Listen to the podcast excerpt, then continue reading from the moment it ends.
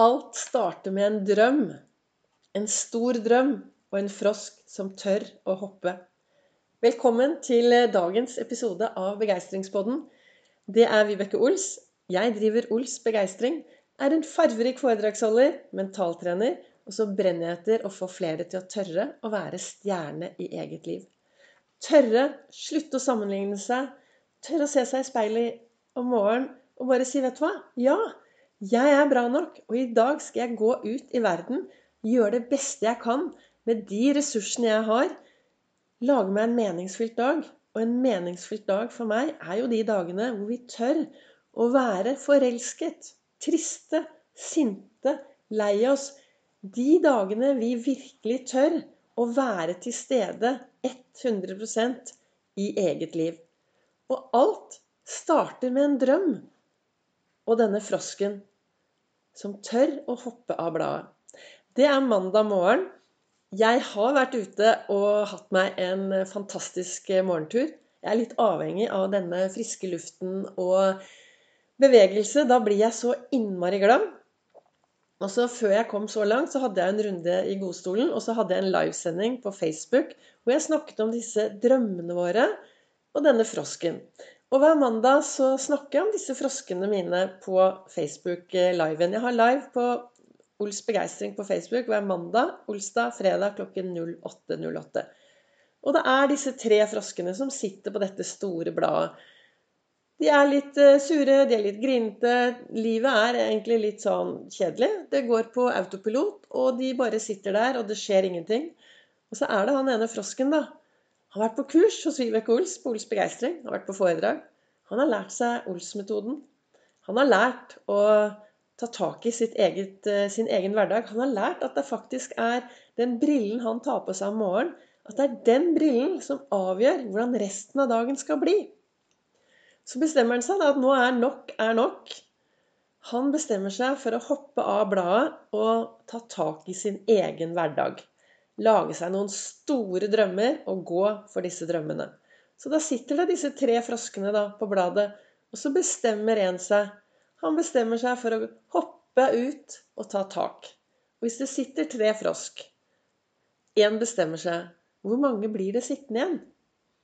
Jo, det sitter fremdeles tre frosker på dette bladet. For det er stor forskjell på det å bestemme seg for noe og det å faktisk gjennomføre det. Min erfaring er at når jeg starter dagen med å se meg selv lykkes, når jeg visualiserer dagen, så er det enklere å gjøre det jeg virkelig ønsker. Og gjerne kvelden før. Det å avslutte kvelden før du sovner, med å se og visualisere det du ønsker å gjøre i morgen. Da blir det ofte enklere å være denne frosken som faktisk hopper ut og tar tak i det han ønsker. Og så satt jo jeg i dag morges da, og reflekterte ut fra denne kalenderen min som heter 'Du er fantastisk'. Og så står det Ikke spør om drømmen din er sprø. Spør om den er sprø nok. Og det er noe med det å tørre å drømme stort. Tørre å virkelig drømme seg bort og gjøre og, og, og drømme om det du virkelig har lyst til. Jeg har noen sprø drømmer noen av de er, virkelig, er også på vei i å gå oppfyllelse.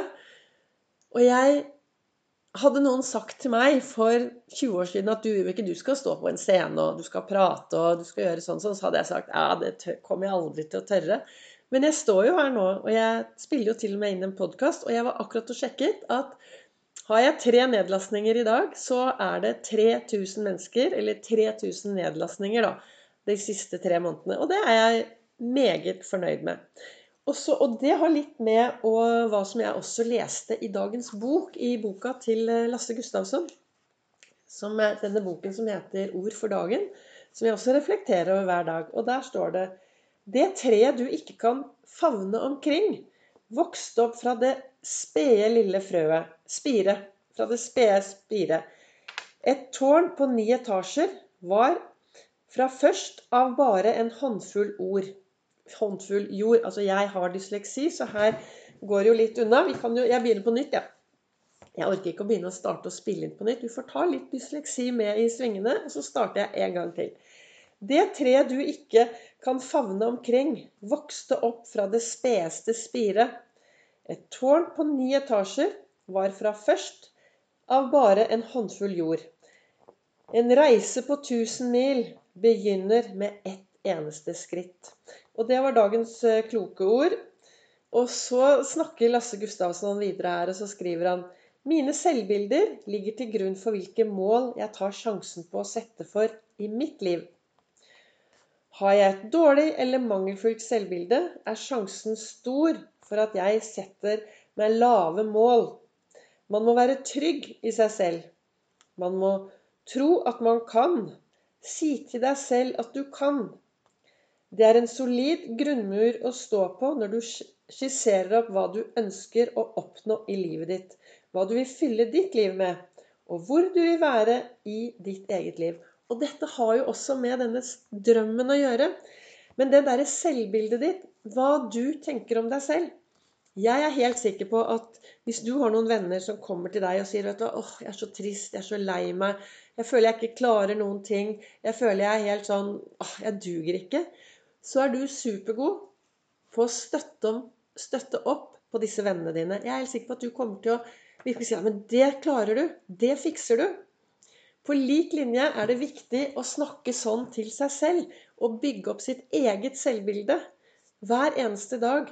Og én ting du kan gjøre for å bygge selvbildet, er jo å gå på skattejakt etter alt det som er bra, som du har klart i ditt liv. Og se tilbake på resultatet. Jeg har en fantastisk stor plante, eh, stor rose busk som er blitt en busk. Jeg fikk dette av et menneske som betyr mye for meg, og har betydd mye for meg i mange, mange år. Eh, og den, den blomsten fikk jeg som en sånn bitte liten plante for, mange, for syv år siden. Og så satte jeg den ut.